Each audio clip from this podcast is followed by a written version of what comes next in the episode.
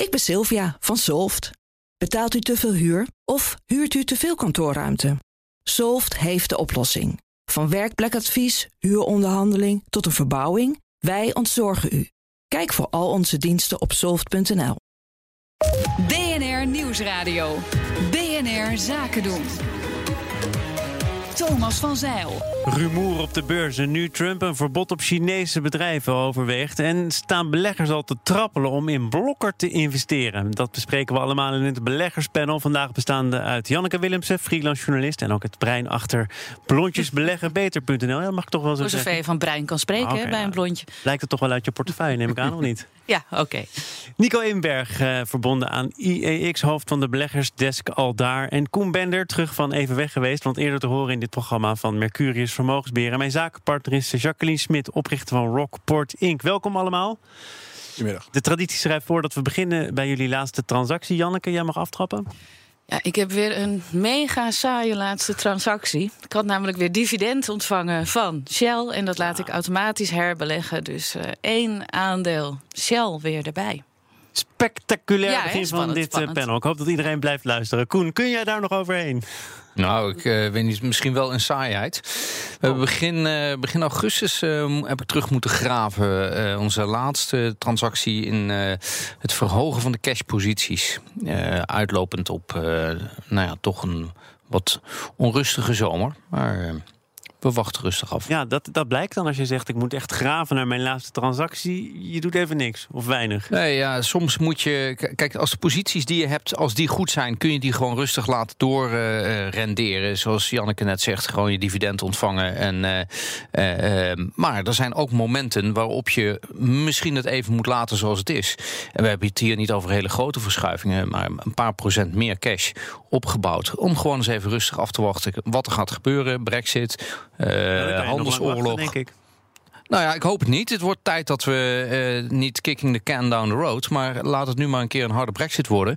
Want dan krijg je waarschijnlijk een paar kwartalen daarna... een fantastische mogelijkheid om eh, geweldige bedrijven in de UK op te pakken. Maar, maar wat jij zegt, hè, je moet er afwachten omdat we ook niet precies weten wat de toekomst gaat brengen. Dat kun je zeggen van het handelsconflict, dat kun je zeggen van Brexit. Dat loopt allemaal maar. Is er dan iets waarvan jij denkt, ja, dat zijn nu toch echt serieus tekenen dat dat zijn einde nadert? Behalve dat we 31 oktober weer met z'n allen hebben opgeschreven. Ja, ik bedoel, kijk, eh, Johnson gaat er redelijk met een gestrekt been in. En, en laat dat been nou ook of maar gestrekt door die muur heen gaan... of volledig afbreken. Maar dan weten we in ieder geval waar we staan.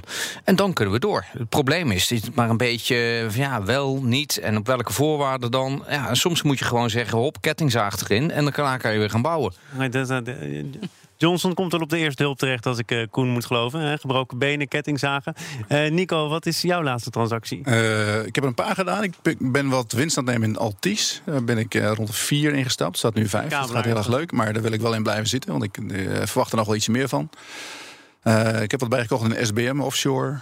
Ehm, vind ik erg ondergewaardeerd. Ik heb vorige week een interview gemaakt met het bedrijf. En, en eh, daar komen heel veel orders aan. Dus dat loopt heel erg Werkt goed. het zo? Jij maakt een interview met een bedrijf en je denkt, nou, dat klinkt wel Nee, dat, nou niet per se daarom, maar we hadden al, al eh, onze leden eigenlijk al een kooptip gegeven voor SBM na de cijfers. Die waren, die waren, die waren best goed. En eh zij zijn een van de weinigen in de, in de olieindustrie bij de toeleveranciers waar, waar het echt aantoonbaar beter gaat. Hè. Maar je, je merkt wel over de hele lijn dat, dat olieaandelen, hè, vandaar ook.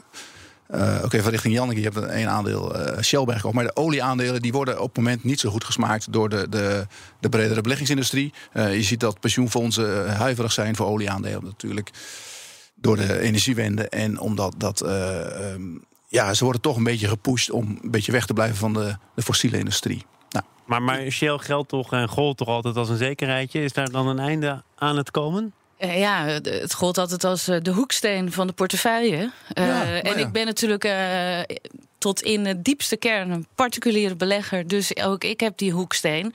Ik moet wel zeggen dat ik er altijd een klein beetje ook over blijf twijfelen. Want je kunt ook zeggen, als je wat duurzamer wil beleggen... dan zou je misschien de hele oliesector uit moeten sluiten. Maar voorlopig. Ja, en voorlopig het dividend is nog steeds heel goed. Ja. Nou, er zit een soort mismatch in. Maar je hebt natuurlijk wel je hebt een dividend van 6% bij olies. Nou, als je dat 15 jaar lang eh, hebt, dan heb je je geld al terug. Ze zijn zelf ook eh, bezig met het omturnen van een, een oliebedrijf naar eh, nu al een derde gas. En eh, straks ook een, eh, ja, eh een derde. Ze gaan ook gewoon nog meer investeren in olie. Als Ja. je dat gewoon ja, goed. eh, nee, maar dat, dat, dat wordt een beetje op de achtergrond gehouden. Maar Ja, dat begrijp ik. Daarom nu even op de voorgrond. en de wereld is nog lang niet af van olie, want we kunnen ook niet zonder olie voorlopig. Nee. De wereld is ook nog eh, niet af van het handelsconflict tussen China en Amerika. Eh, een van de laatste voorstellen is eh, overwegingen, laat ik het zo zeggen. Want het is nog niet eens een officieel voorstel om Chinese bedrijven met een Amerikaanse beursnotering een verbod op te leggen. Dat lijkt een nieuwe escalatie in het handelsconflict. Het loopt nu zo hoog op dat het zelfs een plek heeft gekregen in jullie nieuwsbrief, Koen. Wat is jouw conclusie? Happy birthday China, dat is overigens ook nog vandaag, hè, het 70-jarige bestaan van de Volksrepubliek. Hoe, hoe elementair is dit voorstel? Nou ja, kijk, het, het feit dat het alleen al in het economisch eh, comité rondom Trump naar boven toe komt, is eh, eh, zeer kwalijk. En eigenlijk ook heel erg ondoordacht. Want je kan dit niet op deze manier. Eh, ja, je kan het proberen om te zeggen van goh, wij eh, mogen niet meer eh, beleggen in China als Amerikanen. Amerikaanse pensioenfondsen mogen niet meer beleggen in Chinese aandelen. Maar daarmee eh, sluit je ze af van een heel belangrijk groeisegment van de markt. En Amerika heeft, als je het hebt over pensioenproblematiek, te maken met dezelfde uitdaging als wij hier in Europa.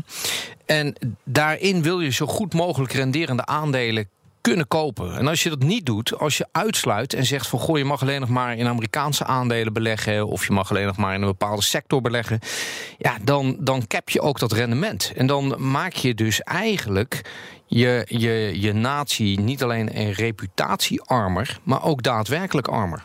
Los van het feit dat je nog maar moet afwachten. omhoog, ja. Wat de Chinezen daarop gaan doen. Hè? Want laten we niet vergeten, de Chinezen zijn de grootste houder van Amerikaans staatspapier. Ja. Dus als zij al, de Amerikanen, zouden zeggen: wij willen dit niet meer. Ja, dat, dat is een soort van een, eh, een, een, een, een waterpistool tegen de Tomahawk. die de Amerikanen kunnen terugvuren en zeggen: van, jongens, bekijk het maar. eh, die staatsschuld, wij trekken ons terug. Wij pakken dan misschien wat verlies. Maar jullie hebben een serieus probleem in je rente. Ja, buiten dat wordt er ook heel rommelig over gecommuniceerd. Hè? En het, is echt, eh, het loopt schierend uit de hand iedere keer. Met eh, Trump die niet alleen over zijn impeachment eh, een reeks aan wilde tweets verstuurt. Maar dus ook zo'n gerucht hè, dat die Chinese of die bedrijven niet meer in Amerika beursgenoteerd zouden mogen zijn. En dat die pensioenfondsen daar niet meer in mogen beleggen. Daar is kennelijk niet goed over nagedacht. Misschien is dat weer zo'n oprisping geweest. Want het wordt nu aan alle kanten ontkend. En in ieder geval neemt het voor mij wel een beetje wat. eh, of misschien wel nog meer vertrouwen weg eh, in, in, het, in, in de capaciteit van Trump om met dit soort eh, grote problemen om te gaan. Overigens, belangrijk, kan het überhaupt? Er zijn nu Chinese bedrijven met zijn notering. Als je nu zegt dat dat is waar eenmaal, er komt een verbod, kan dat? Nou, dat weet ik niet. Maar ik, ik Dat is wel schaar het. belangrijk toch om dit voorstel. Het zal wel even duren, lijkt mij. Dat kan toch niet van de een op de andere dag? Ik weet het ook niet hoor. Ik schaar het onder het kopje onzin. En eh, kijk, eh, Trump die, die heeft er een handje van om af en toe wat dingen in de lucht te gooien. Zo eh, lijkt wel een VVD'er. Maar eh, daar wordt, vaak wordt het twee dagen later alweer afgeschoten. Het is inderdaad helemaal niet doordacht.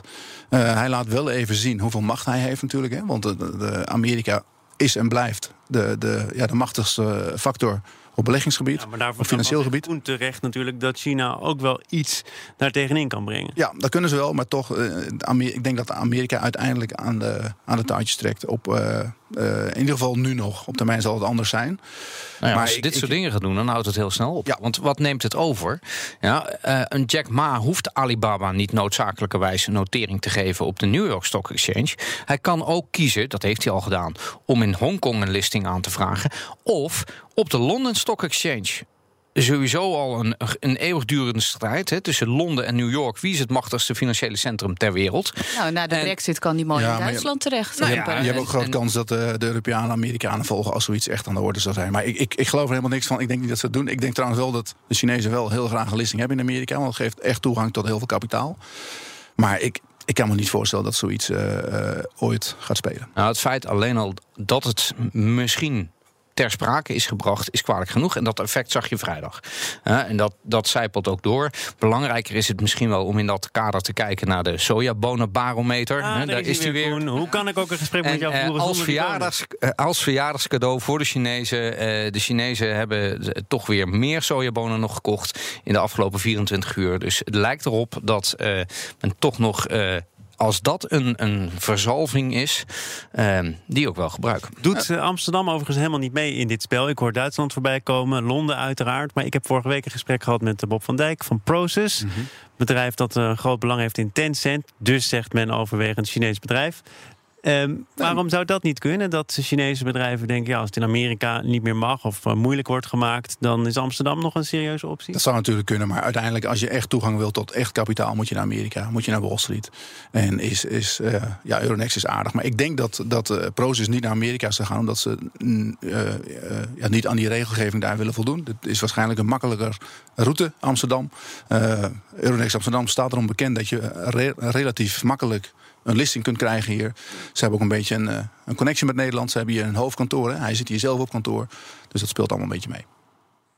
Zometeen naar een ander bedrijf waar veel over te doen was de afgelopen dagen, namelijk KPN. Er is inmiddels een nieuwe topman uit de eigen gelederen, Joost Varwerk. Verstandige zet of niet?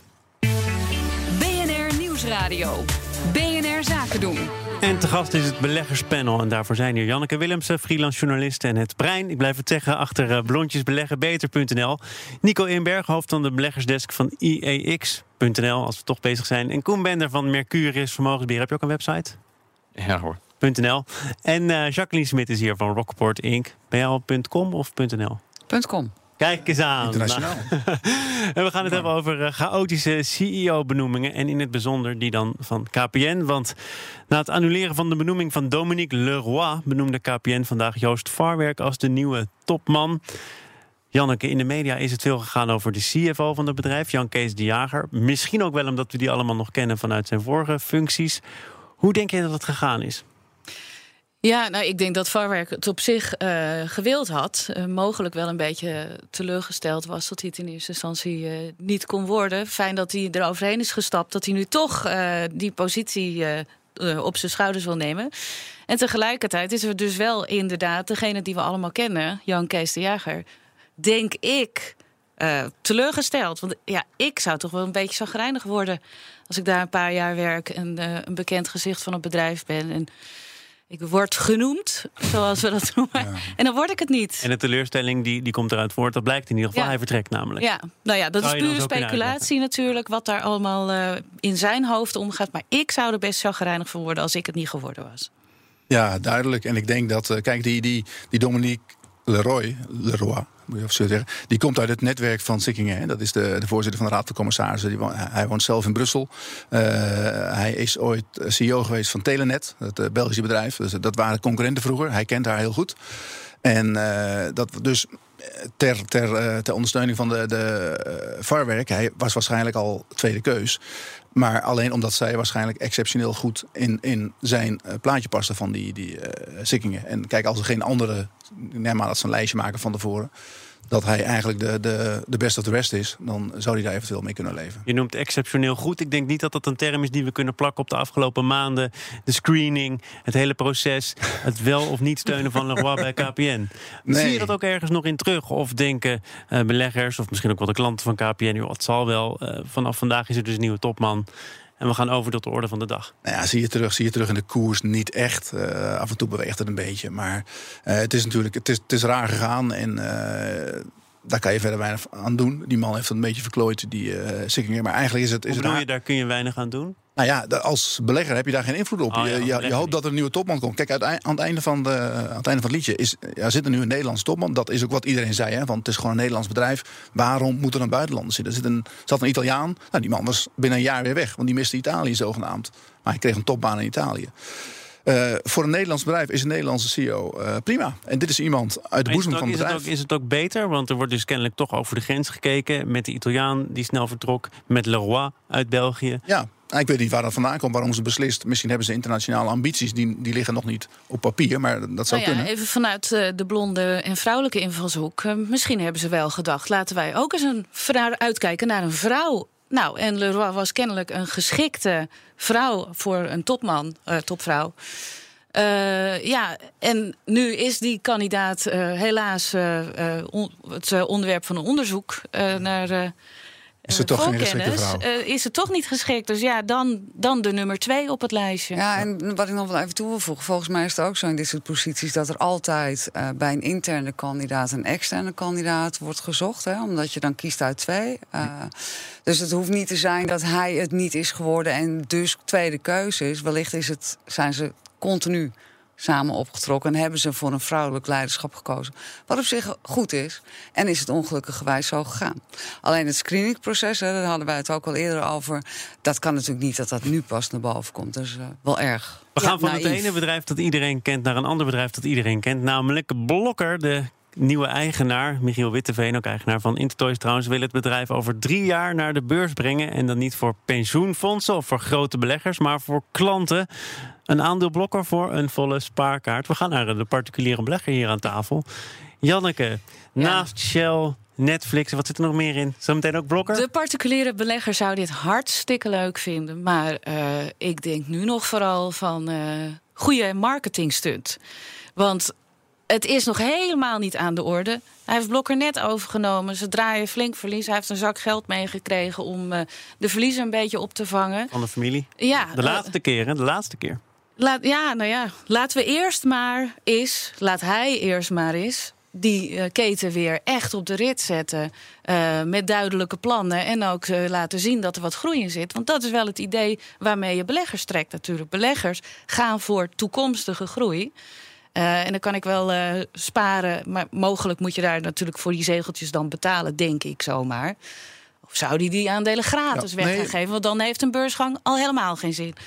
Nou, er zitten twee hele leuke randjes aan. Uh, ja, ten eerste in de huidige tijdgeest, hè, dat, dat mensen niet meer gaan sparen, maar uh, ja, richting aandelen gaan. Nou, dat, hij wil, uh, als ik het goed begrepen heb, wil hij straks een soort spaarkaart introduceren. Dat als je een, een, een dan moet je ietsje extra betalen. En dan kun je sparen voor een, een aandeel. ja, vroeger had, had, bijvoorbeeld Albert Heijn dat ook. Dan kon je dan sparen voor een obligatie. Nou, dat was enorm succesvol. Ja, 50 geloof Zegeltjesboekje. Ja, ja, wij houden natuurlijk van sparen. En er zit nog een ander aspect aan. Dat op het moment dat iedereen iedere keer iets, ietsje extra betaalt voor een spaarkaart, voor een aandeel, krijgen zij, zijn ze eigenlijk doorlopend aandeel aan het uitgeven. Dus hij krijgt iedere keer uh, geld binnen. En op termijn geeft hij daar dan weer aandelen uit aan de mensen die dat betaald hebben. Dus hij heeft, hij, hij is, uh, je hebt eigenlijk een doorlopend proces Jij van, vindt het, uh, van, van geniaal aandelen uitgeven. Het is geniaal, maar ik, ik ben alleen bang dat Blokker over drie jaar niet meer bestaat. Kijk, je mag mooie doelen stellen voor in de toekomst. Maar inderdaad, de vraag is: ga je het halen? Koen, jij hebt je zo verdacht ver van de microfoon afgesteld dat ik denk, nou, jij bent al jaren niet in een blokker geweest. Nou, dat is niet waar. Ik heb een uh, prachtige Blokker en mijn, mijn dweilen komen er vandaan. De, de, de, de, handdoekjes op, de, op kantoor van het toilet komen van de Blokker. Dus wat dat betreft helemaal goed. Maar waarom dacht je dan toch, ik hoef me niet in te mengen? Zie je er niks in? Nou ja, ik vind het een, ik vind het een hele leuke proefballon. En uh, uh, wat, wat Nico ook zegt, we hebben natuurlijk een lange traditie van bedrijven die dat op deze manier doen. Uh, nog niet zo lang geleden ook nog de Shell-spaarkaarten. Die zijn allemaal naar de achtergrond verdwenen. ik vraag me af of het vanuit toezichthouders oogpunt mag. Want in het verleden was het natuurlijk heel wat makkelijker om aandelen uit te geven. Inmiddels moet je mensen op allerlei manieren gaan, gaan informeren. Ja. En ik zie het nog niet gebeuren dat mensen een prospectus gaan lezen en daar een disclaimer voor tekenen als ze hun spaarkaart gaan inleveren voor een nieuw aandeel. Dat zou dan misschien ook nog wel moeten. Uh, maar ik vind het een creatief idee. En het spaart mij, of het stemt mij zeer uh, hoopvol dat dit soort creatieve ideeën bij meneer Witteveen vandaan komen uh, om uh, de toekomst van Blokker te omlijsten. en, maar sluit me ook aan bij de opmerking van Janneke, die zegt van nou, dat zou heel fijn zijn als ze die drie jaar doorgekomen zijn en winst gaan maken zoals hij nu voor ogen heeft. En in de tussentijd dromen het, mag altijd. In, in het FD een paar problemen ziet. hij zegt het opzetten van zo'n systeem dat is complex. Het verkopen van aandelen aan particulieren, wat jij net zegt, dat is aan regels gebonden. En bovendien is Blokker ook nog vrij klein voor een beursgang. En moet het zwarte cijfers schrijven. Nou, vier of vijf ja. uitdagingen. Ja. Wat is op dit moment het belangrijkste voor Blokker? Is dat dan toch inderdaad die zwarte cijfers? Ja, de, de moed omhoog houden, denk ik. Hè? En, ja. en ervan overtuigd zijn dat mensen echt nog wel zitten te wachten op de spullen die Blokker aanbiedt. Uh, nou ja, ze zijn natuurlijk hard gestart met het ombouwen van alles. Uh, ik denk dat uh, voor beleggers zijn natuurlijk zwarte cijfers om mee te beginnen al erg prettig. Is dat nou zo? Maar Want vooral die groei. Maar de, de, de, de grootste techbedrijven die in Amerika naar de beurs eh, gaan, die eh, laten ook geen zwarte cijfers zien. Die Nee, zeggen maar die alleen, in de dus- toekomst komt het allemaal goed. Maar die laten inderdaad zien, in de toekomst komt het waarschijnlijk allemaal goed. Of de kans daarop is erg groot. In ieder geval slagen ze erin om beleggers daarvan te overtuigen. En ik denk dat beleggers er nog niet erg van overtuigd zijn... dat dat bij Blokker allemaal in kannen en kruiken is. Hey, en Thomas, laten we eerlijk zijn, de eerste winstpakker heeft hij al. Want we staan hier 10 minuten over niet beursgenoteerd Ja, aandeel te praten. En we hebben al 25 keer, misschien al meer, de naam Blokker genoemd. Dus eh, nou, ja, ik denk dat meneer Witteveen in ieder geval een van zijn doelen wat dichterbij Het ziet was komen. een eh, lekker panel over een maatregel van Trump die waarschijnlijk niet doorgaat. Blokker die waarschijnlijk niet naar de beurs gaat. en Ja, een Pierre topvrouw die er toch niet kwam. Dank allemaal dat we het weer hebben kunnen eh, bespreken. En Koen blijft lekker je handdoekjes kopen. Wie weet wat er allemaal nog mogelijk is voor Blokker. Koen Bender van Mercurius Vermogensbeheer. Janneke Willemsen van blondjesbeleggenbeter.nl. Ook freelance journalist. En Nico Inberg van IEX. Waarschijnlijk deze week nog wel eens een keertje te horen op BNR, toch? Ik blijf hier gewoon. Mooi zo. Heel erg bedankt dat je weer mijn eh, zakenpartner was. Jacqueline Graag gedaan. Smit. Kom nog een keer terug. Doei. ongetwijfeld al in de agenda staan. Tenminste, dat hoop ik. Ik ben Sylvia van Solft. Betaalt u te veel huur of huurt u te veel kantoorruimte? Solft heeft de oplossing. Van werkplekadvies, huuronderhandeling tot een verbouwing, wij ontzorgen u. Kijk voor al onze diensten op soft.nl.